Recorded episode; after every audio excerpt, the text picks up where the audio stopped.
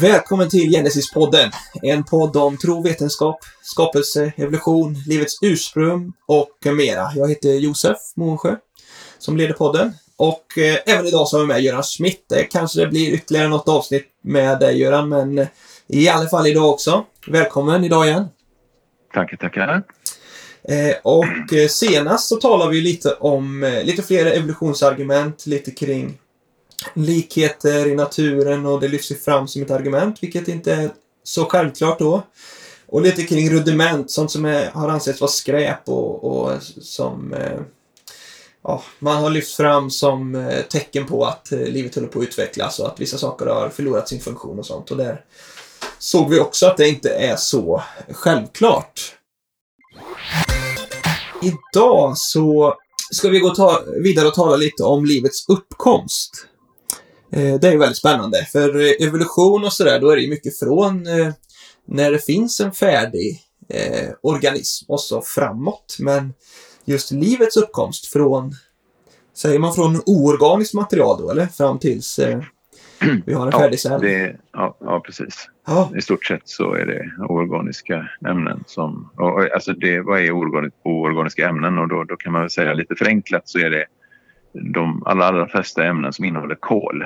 De, Mm. de, de kallas organiska och, och de, de som då inte innehåller kol är organiska. Men det stämmer inte alltid för koldioxid till exempel räknas som ett oorganiskt ämne.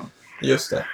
och så. Precis. Men eh, i stort sett så är det så. Ja, och det är klart att när jag eh, gick i skolan, högstadiet och gymnasiet för tio år sedan så, så är det ju det här klassiska Miller-Urey-experimentet som man eh, såg i de flesta läroböcker sådär under, under den Mm. tiden. Och du kan ju få berätta lite vad det är.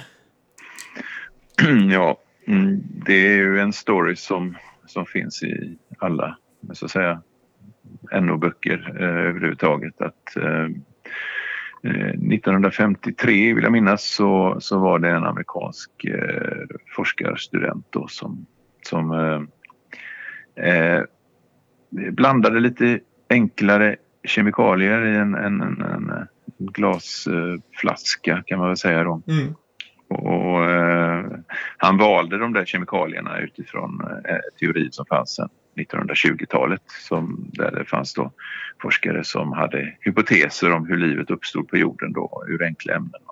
Och så tog han de där ämnena, det var då vatten och metan, ett, enkelt kolväte då, och så koldiox, kolmonoxid eh, och eh, ammoniakoxid. Så, så ja, så lät han det blixtra lite elektriska urladdningar i det där och så eh, lät han det där systemet stå där och bubbla under några dygn och sen så analyserade han det och så upptäckte han då att det bland annat fanns aminosyror där i, vilket är en en grupp ämnen kan man säga som är ungefär som eh, eh ja, eh, pärlorna i de pärlhalsband som utgör proteiner. Då. Proteiner är ämnen som bygger upp allt levande och som ger allt levande funktion, rörelser och allt annat också. Och eh, aminosyrorna är då som sagt eh, själva beståndsdelarna i dem. Och då tyckte man, och det läste jag själv då, det här var ju liksom, när jag själv läste det i skolan så var ju detta då på eh, 60-talet eh, och slutet på 60-talet när jag gick Då var det lite mer nytt och fascinerande kanske nästan Ja, när du det läste med det. då, när jag läste. Ja, ja, men eh, då lyftes detta. Så det var på något sätt... Alltså, I princip tycktes man att man hade, man hade i princip bevisat att, att ja, men livet, därför har livet uppstått eh, ur sig själv. Därför att det kan verkligen bildas aminosyror i de här experimenten. Och så. Så, så det fick en enorm liksom, tyngd och har det fortfarande. Mm. Det har blivit en ikon på något sätt för eh, ja, eh, evolutionen är möjlig därför att liv kan uppstå. Och det är också en, eh, den där typen av experiment är också skälet till att man idag så fort man hittar vatten på en planet någonstans ute i rymden så eh, då börjar spekulationen genast. Jag menar, kan, kan det då liksom, ja men det finns nog säkert liv där ute då. Mm. Eh, men, eh, men det, är- det är ett faktum att det bildas aminosyror vid de där försöken. Så Just det, och detta, detta är givetvis då kopplat till att man tänker sig att livet har uppkommit i, en, i vatten då som du säger. Eh, någon Ja, gång för länge alltså- sedan på jorden. Ja, eh, jag menar, och, och jag menar, när man är van vid att tänka evolutionärt så, så är ju tanken ungefär så här att ja, men vi lever, alltså måste livet ha uppkommit. Mm. Och, eh, och, och eftersom livet består av kemiska ämnen så måste kemin vara förklaringen till att vi finns. Eh, och då går man in i sina laboratorier och så gör man kemiska experiment och så tänker man att på det här sättet kan vi då visa hur, hur det gick till en gång i tiden. Och så det har man hållit på med då i ett halvsekel, de där, den här typen av försök. Just det. Och det som blir intressant här är ju just hur, hur nära är det då liksom att man klarar av att livet uppkommer av sig självt? För du säger här aminosyror bildades lite och sådär. Men är det, är det nära då? Liv? Eh, nej, alltså om vi säger att vi har en sockerbit liggandes på bordet framför oss så är ju det lika nära liv. Eh, eller, eller vad som helst. Precis. Stearinljus som jag tittar på just nu. Liksom det, det, ju, det, det har mycket mer med liv att göra egentligen än, än vad enskilda aminosyror har. Men eh, man skulle gå i detalj. Men nej, det, det, man kan nog säga att det finns skäl till att det idag är förhållandevis tyst på det här området Mm. med, med livets uppkomst. Jämfört med hur det var då för, för, ett- för ett halvsekel sedan så, så är, är det idag en, en, en nästan kvävande tystnad kring detta. Därför att alla scenarier man har målat upp visar sig inte kunna eh, hålla måttet. Sådär, va? Eh, och det finns tusen skäl till det. Eh, alltså då. Nu, nu är jag kemist så att jag, det, det här kommer att automatiskt handla lite grann om kemi men jag ska försöka vara väldigt, alltså uttrycka mig väldigt enkelt eh, när jag Alltså, pratar någonstans, om de här sakerna. liksom, Jag vet att det är svårt. Men, är, det, är det någonstans att det de var med och visade, där 53, man har gjort mer saker sedan dess, det förstår jag med. Men de kom en millimeter liksom på ett 100 meters lopp eller vad, vad ska man jämföra ja, med? det, är, det, är, det är att överdriva något väldigt egentligen men, men, men eh, eh, för att det, det, här, det här är svårt. När man inte är kemist så är det svårt att, att se eh, hur totalt orimligt det här scenariot överhuvudtaget är. Men, men vi ska gå ner ändå. Vi ska berätta lite grann om det här i alla fall så att man förstår. Och det, där måste man börja på något sätt med att, att se. En, en, om man nu tar den minsta levande varelsen som existerar, om det nu är någon form av liten mikroorganism då. Ja. Och, och, och ta den enklaste av enkla mikroorganismer. Eh, då, då innehåller den åtminstone då hundratusentals olika eller hundratusentals proteiner. Mm. Eh, alltså tusentals protein, slag av proteiner och, Ja. och eh, hundratusentals exemplar av dem så att säga. Och de innehåller DNA eh, eller RNA eller båda där. Ja. Eh, så, som är då de här molekylerna som bär livets information på olika sätt. Och sen så och, och, och de här ämnena då samspelar på olika sätt med varandra. Ungefär som hönan och ägget är i förhållande till varandra så är de här ämnena helt nödvändiga för varandras existens. Jag tror vi pratade om det i första Precis, vi pratade om det grann. första De hänger ihop. Ja. Det här är system. Livet är ett system Mm. där man inte kan ta bort någon detalj för då fallerar det. Då, då, då dör organismen. Skulle du ta bort DNA, jag menar, då, då, då slutar organismen och, och den upphör att existera. Ja. Eh, och det är samma med de andra ämnena. Men, utan de måste finnas de här. Så att ska man, ska man skala ner det här problemet så måste teorier om livets ursprung förklara hur proteiner uppstår utan liv. Hur DNA eller RNA eller båda uppstår utan liv och de här andra molekylerna som också behövs för liv. Alltså, de måste förklara hur kan de ha uppstått utan att det fanns något liv före dem. Mm. För de här tillverkas ju i levande celler. Det, det, där finns det ju system som, som gör att de här ämnena tillverkas hela tiden. Utan, men det här problemet nu, det handlar om hur uppstår de från första början. Just det, när det inte fanns några maskiner som tillverkar dem. Ja. Ja. ja. Just det. Och, och där är det, där kan vi bara skrapa lite på ytan av de problem som faktiskt finns. Det är kanske mest, ett av de mest uppenbara problemen det är just att man tänker sig att eh, vatten är då en nyckelkemikalie för att det här ska ske. Det var därför vi sa att när man upptäcker vatten på Mars till exempel så är det liksom, ja ah, då vaknar hoppet genast att då kommer man att hitta liv där. Mm. Och det beror på att vatten är väldigt viktigt. Det många inte vet är att vatten är totalt eh, alltså livsfarligt för den här typen av kemiska substanser som proteiner. Lägger du protein i vatten så kommer vattenmolekylerna, de är aggressiva, de kommer att angripa proteiner och eh, göra sönder de här pärlhalsbanden så att de faller sönder i sina enskilda pärlor, alltså aminosyror av sig själv spontant. Så, så, så vatten är, på kemispråk så kallar, kallas det för att de här ämnena hydrolyserar i kontakt med vatten. Mm.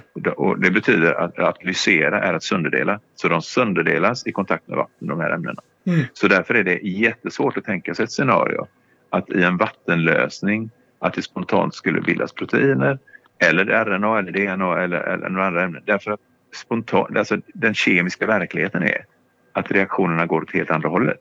Mot sönderdelning istället för syntes eller sammanslagning. Så att... Eh, Men vatten är, är, vatten är ändå det enda alternativet eller liksom? Ja, det, ja, det är det. Alltså, I levande varelser så det, det, det är därför man, man, man, man just sätter så stor vikt vid att, att just söka efter vatten då. Därför att vatten är nödvändigt för liv. Ja. Vatten, vatten är, utan vatten inget liv, det vet man. Ja. Men det innebär inte att, att man har löst livets gåta genom att upptäcka vatten. Nej. Eh, eh, eller någon annan enskild substans. Så både livsnödvändigt är... och kritiskt är, ja, vattnet då? Och, och, det gäller samma sak med syret. Ja. Eh, med, med, med syre, det, det, vet inte många om heller. Att syre, även om vi använder det, är någonting som är livsnödvändigt för oss. Får vi inte syre då dör vi. Men, men, samtidigt så är det så att syre är också totalt livsfarligt kan man säga för alla de här ämnena därför att eh, organiska ämnen som bygger upp levande varelser mm. de oxiderar när de utsätts för syre. Så därför måste, det, därför måste liksom alla livets kemikalier inne i våra celler måste hela tiden skyddas från eh, syre. Mm. Eh, därför att annars så skulle de, alltså oxidera, det är samma som att rosta. Liksom. Att järn rostar och så, och så förstörs järnet. Liksom. Mm. På samma sätt är det med, med de här organiska ämnena. De, de rostar eh, eh, när de utsätts för syre. Och därför måste det finnas system som då skyddar mot det. Det kallas för antioxidanter eh, då, som, som, som, som måste finnas hela tiden inne i cellerna. För att, så att det där är ett jätteproblem och, och i skolan får vi lära oss att just därför då så får vi lära oss i skolan att från början så fanns inget syre i jordens atmosfär. Det står det, det, det är bland det säkraste man tycker sig veta. Ja. Eh, eh under, lång, under lång tid har det varit så i alla fall. Och inte för att man vet det, men för att det, det får inte finnas. Ja. ja, det får inte finnas. Om, om, om eller kan man påvisa haft... det? Vet... Nej, nej, det kan man. Alltså, för det första kan man säga så här att om Miller hade haft syre i, i, i den här glasbollen då eh, där han hade de andra ämnena. Däribland väte, det glömde jag säga förut, men väte också. Det vet ju alla som har, har haft, gått i högstadiet eh, och, och, och, blandat syre och väte. Eh, det är ju det roligaste man kan göra i kemin. Eh, det är ju mm. knallgas, så det, det, det smäller ju. Det exploderar ju. Och, och, och, så Miller kunde inte ha eh, syre med i sitt experiment för då hade hela, hela försöksapparaturen bara exploderat när det gnistrade till. Just det. Eh, och det, det, är samma sak med eh, det är den ena aspekten. Så. Sen så kan man ju då titta på jordens allra äldsta berggrund då, som då påstås vara flera miljarder år gammal. Finns det spår där av att det inte fanns syre på den tiden? Och det, där är svaret kristallklart nej. Det vill säga, det vill säga alla de äldsta eh, sedimenten som finns på jorden eh, vis, de är oxiderade. Så. Mm. Nu, nu, är det så att geologer säger att ja, men de, de, de där sedimenten från allra, allra första tiden, de är för gamla. De finns inte kvar på jorden längre. Men ingenstans i, så att säga, i, i sedimenten eller bergen neråt, när man gräver sig neråt, eh, så är det så att man kommer till en tid när det inte fanns syre.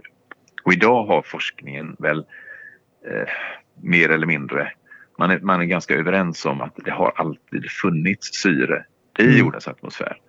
Därför att de där gaserna som kommer upp från vulkaner och sånt där, de innehåller syre. Och, och, utan syre så skulle vi inte haft något ozon. Alltså syrgas det är O2, det är två syreatomer som sitter ihop.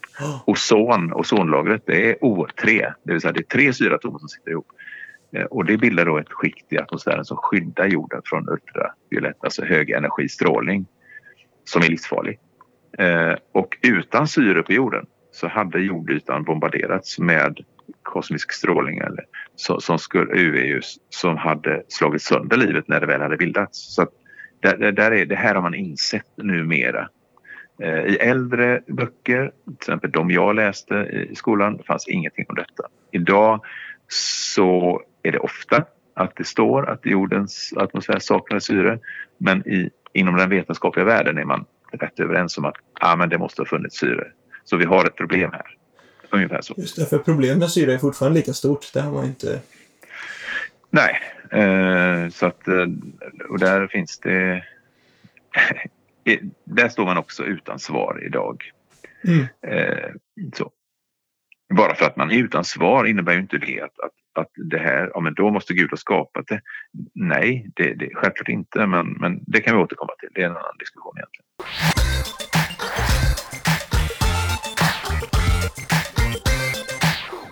Så finns det fler saker här då som, som också är stora problem för eh, de här eh, kemi kemikalierna att eh, bara bli... Ja, ja. ja, ett exempel är ju det här med om vi nu tar de här, stannar vi ett ögonblick vid de här ja. aminosyrorna, de här pärlorna som bygger upp proteinhalsbanden så att säga. Ja. Så, så, är, så är det så att det finns ett, om man förenklar det hela lite grann så finns det 20 stycken olika sådana där aminosyror. Eh, och eh, 19 eh, av dem ja. de, de finns i två olika former. De, har samma, liksom, eh, de innehåller samma atomer och de sitter på liknande sätt och sådär. Men de är ungefär som vår vänsterhand och högerhand. Det vill säga de är lika men ändå inte. Alltså de är spegelvända eh, i förhållande till varandra. Eh, och så är det med de där eh, aminosyrorna. Eh, de finns i två olika former. Men det intressanta är att när man tittar på ett protein från en levande varelse, det spelar ingen roll vad det är, om det är en bakterie eller en människa eller en morot eller vad det är. Så, så i proteinerna så finns det bara det som brukar kallas för den vänstra handens, vänstra spegelbildens aminosyra hela tiden. Mm. Och det här, är ett jätte, det här är jättemärkligt egentligen därför att eh, det finns alltså en asymmetri i, i, i de organiska ämnena som är proteinerna då. Mm. Eh, och, för det är nämligen så att om, om, om, du skulle gå till en köpa från ett kemiföretag skulle du köpa då eh, vänsterhandens aminosyra bara. Bara den ena av de två mm. varianterna. Och så häller du, löser du upp det i lite vatten och så låter du det stå en stund. Om man sen analyserar det här innehållet så kommer man upptäcka att plötsligt så är det 50-50. Det är hälften vänsterhandens spegelbild och höger, hälften högerhandens. Eh, det finns alltså en jämvikt dem emellan som gör att naturligt sett i en, i en, en blandning, en lösning i vatten, så finns det alltid lika mycket av varje sort. Mm. Eh, och det här är nu, om man tänker sig nu att, om vi bortser från vattenproblematiken, men om vi nu tänker oss att vi har, när liv, innan livet fanns, att det då skulle bildas en proteinmolekyl, den första proteinmolekylen, så skulle den då på något sätt ha skett genom att det hade kopplats ihop en aminosyra med nästa aminosyra och så vidare i, i någon form av kedjebildning. Eh, jag menar, då är ju chansen att det blir en vänsterhandens aminosyra 50 procent och chansen att det kopplas ihop en sån till med den tidigare, den är också 50 procent.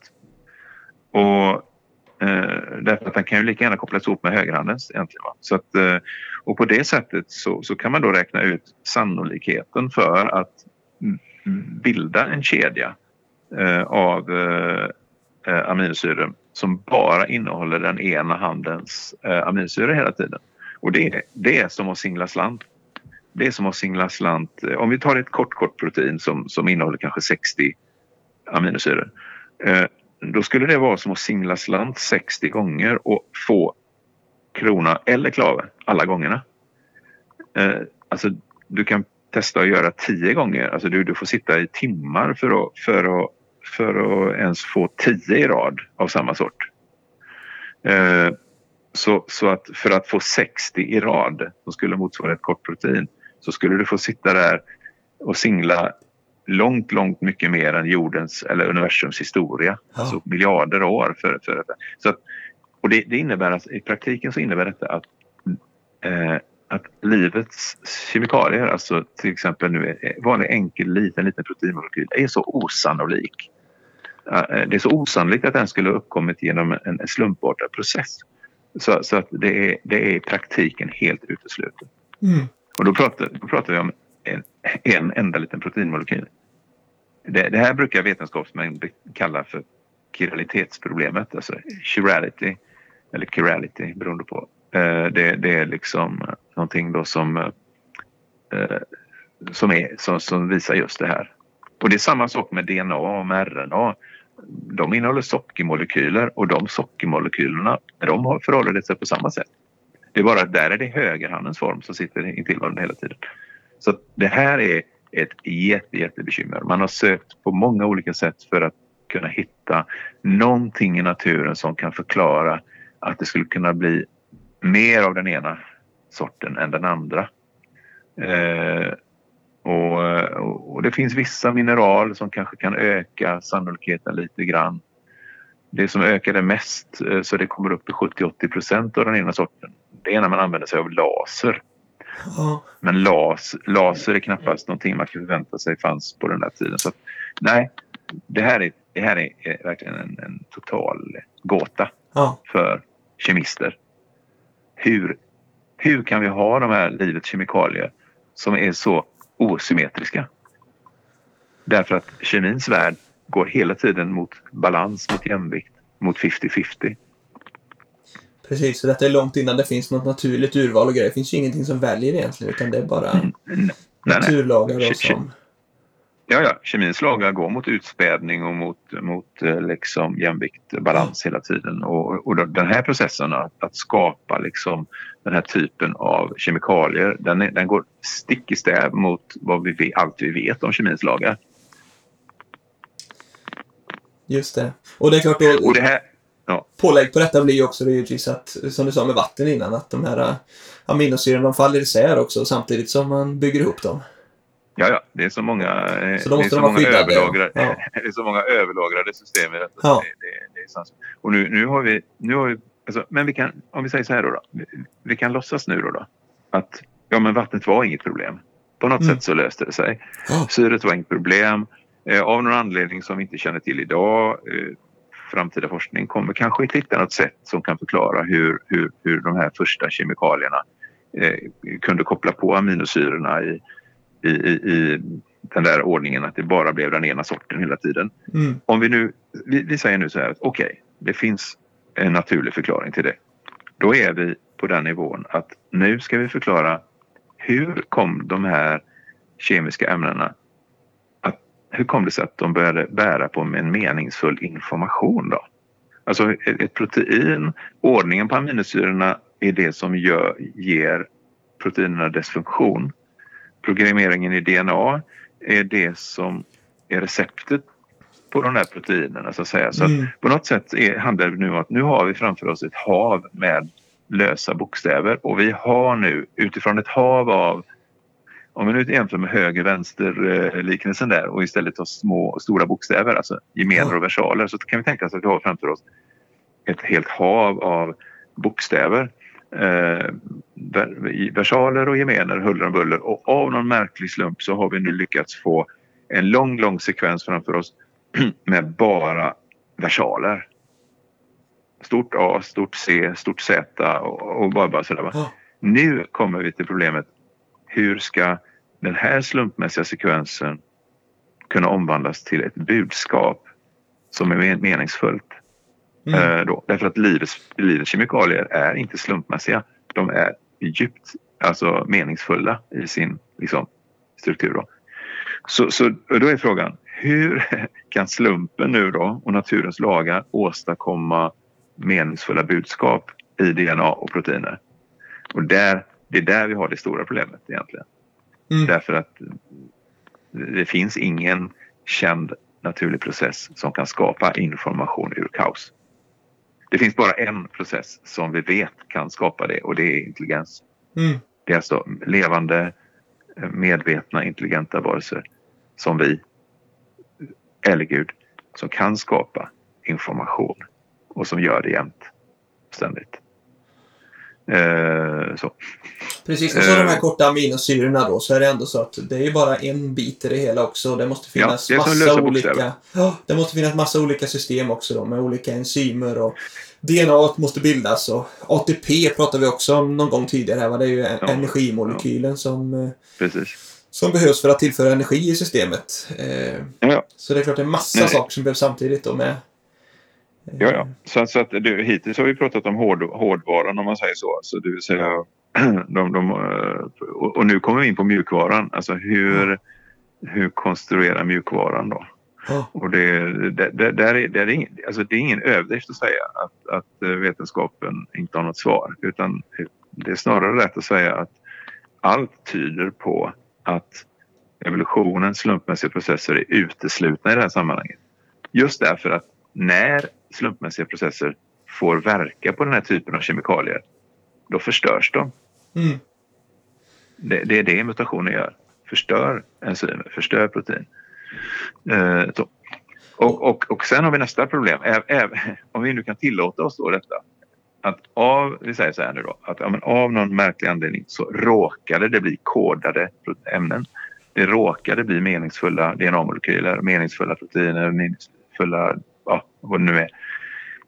Då har vi problemet att hur ska de här kunna komma in och börja samverka med varandra så som de gör i en levande cell? Där DNA kodar för proteinerna, proteinerna eh, eh, är med och tillverkar eh, DNA och, och, och, så vidare. Där allting är sammanvävt i, i system. Mm. Så, så det är nästa nivå eller, av, av problem. Då. Eh, och det är naturligtvis på samma sätt med det, att här, här, saknas en förklaring. Vi pratade i något program om det här med den här musfällan som, som, som, som liksom, där alla delarna måste finnas på plats för att den ska funka. Och det är precis på samma sätt med det här. Det här är system som inte är reducerbara därför att tar man bort någonting då fallerar allt. Eh, så. Så att här är, så, så förhoppningsvis så, så, så, så, har jag lyckats förmedla det här att jag menar, det här är en, en total gåta för vetenskapen. Mm. Eh, eh, och, och, men, men eftersom naturvetenskapen utgår från att det måste finnas naturliga förklaringar så, så, är det klart, så självklart finns det hypoteser om det här. Och en av de här hypoteserna är liksom att allt började med RNA. Man har insett att ja, men, proteiner och aminosyror, det där är svårt att förklara. Sådär. Men, och så tänker man en värld av bara RNA. Eh, och, RNA är lite skulle... enklare än DNA då, eller hur är det? Ja, ja, ja nej, den, är egentligen, den, är, den skiljer sig från DNA bara. Det, det, DNA bygger på fyra bokstäver kan man säga. Ja. Som, som, och, och, det gör RNA också, men det är en av bokstäverna som är olika. Mm. Eh, som är en annan helt enkelt. Eh, och och ja, man skulle kunna säga mycket om det. Eh, men, men det är egentligen Egentligen så handlar RNA om det handlar om att man redan från början har RNA. Alltså den, den, den, den här hypotesen startar med att det redan finns eh, den där komplexa informationsbärande molekylen. Ja. Den, utgår, den, den startar där och sen så är det ett försök att förklara hur det då skulle... Men det finns så mycket problem med det så att det skulle ta ett program att bara tala om det. Då.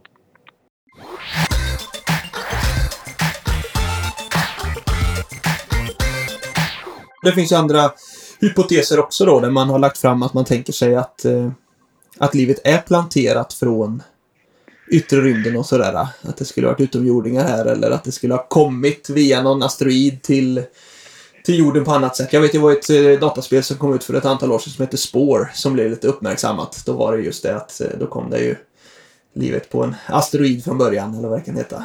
Eh.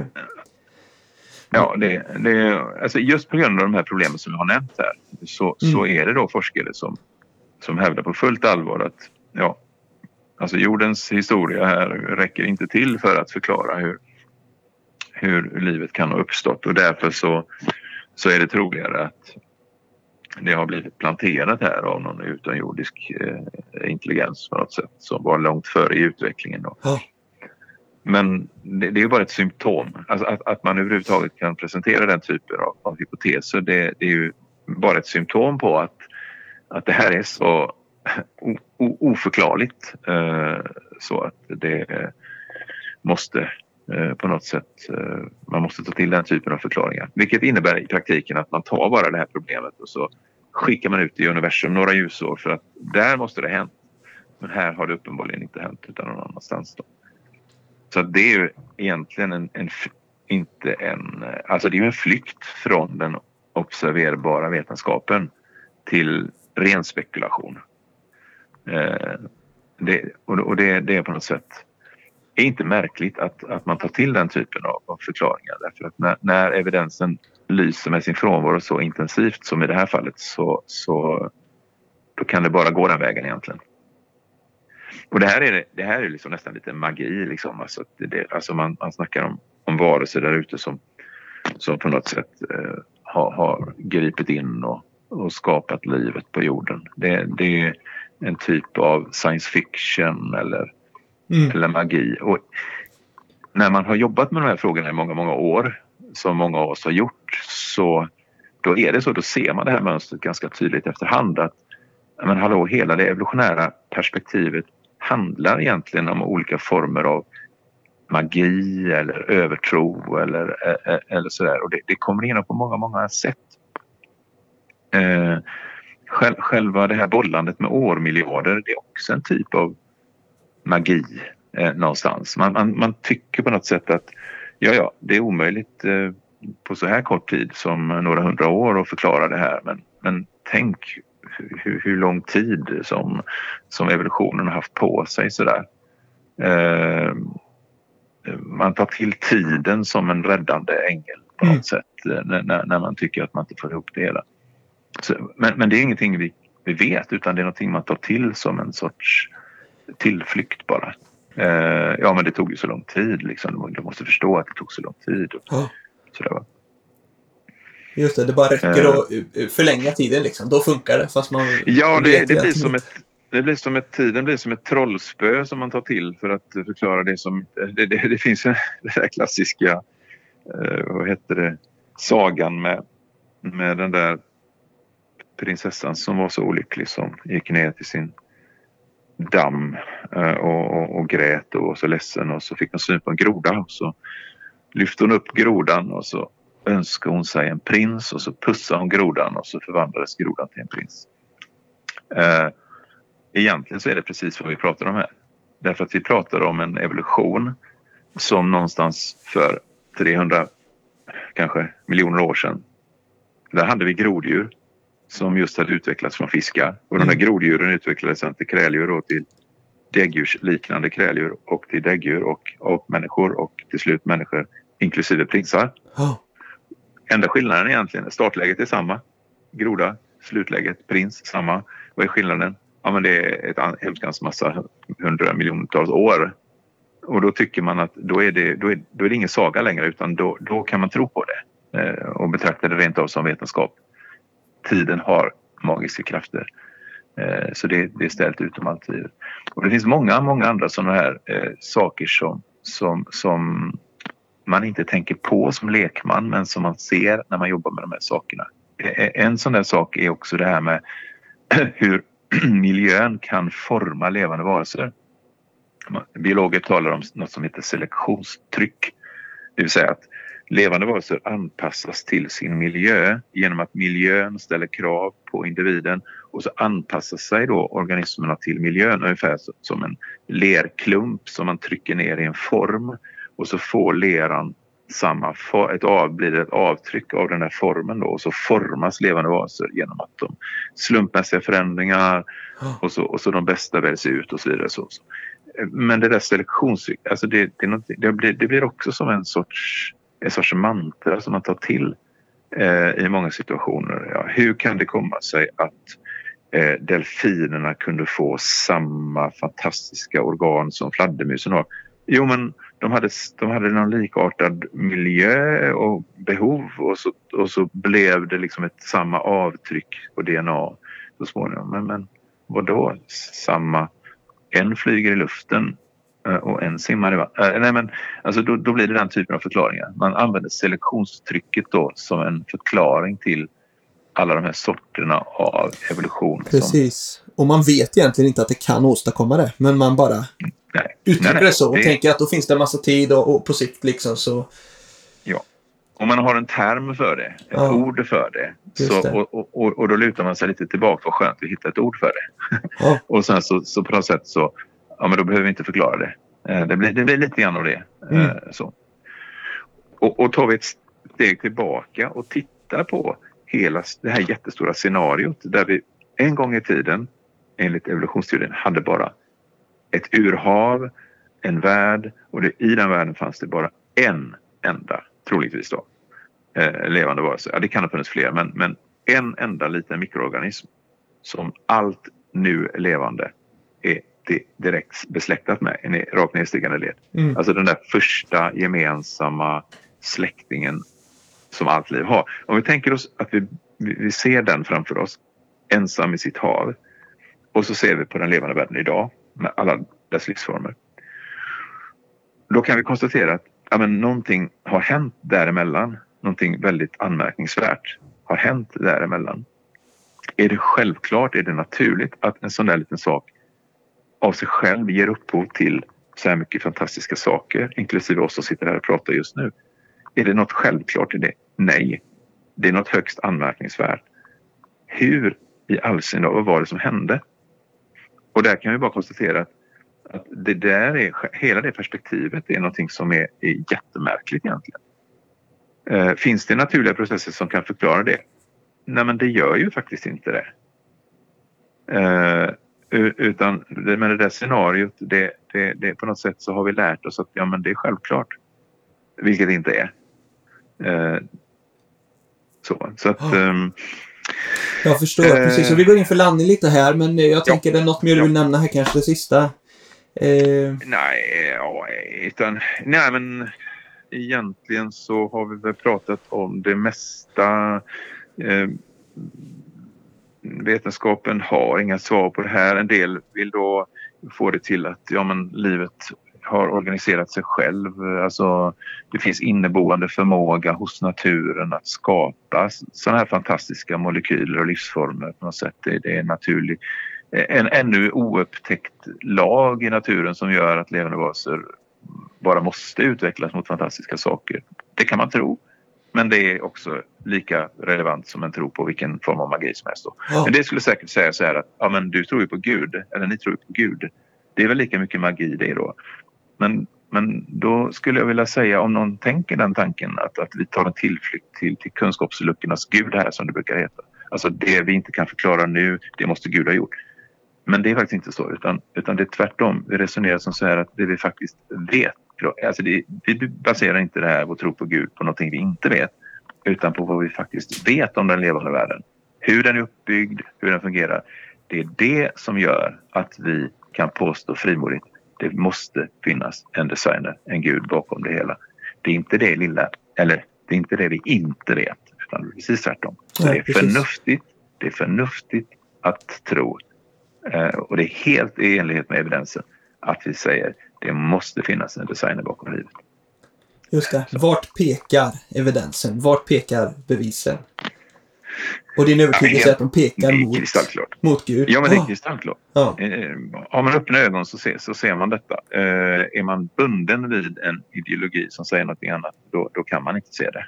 Eh, om man tillåter sig att vara lite kritisk eh, så, så, att man kan se två alternativ, då kommer det ena av dem att framstå jättetydligt. Mm. Det, det måste finnas en design. Härligt! Vi ska ta och avrunda här men eh, tack så mycket Göran och, och, tack till alla som lyssnar. Det är ju väldigt roligt att vi kan vara med och eh, göra detta. Skicka gärna in frågor, kommentarer och annat till eh, våran eh, mail Genesis, nej, podden genesis.nu. Så skicka gärna in dit och så kommer vi fortsätta komma med mer eh, spännande avsnitt eh, framöver. Eh, så tack så mycket. Ha det bra allihopa.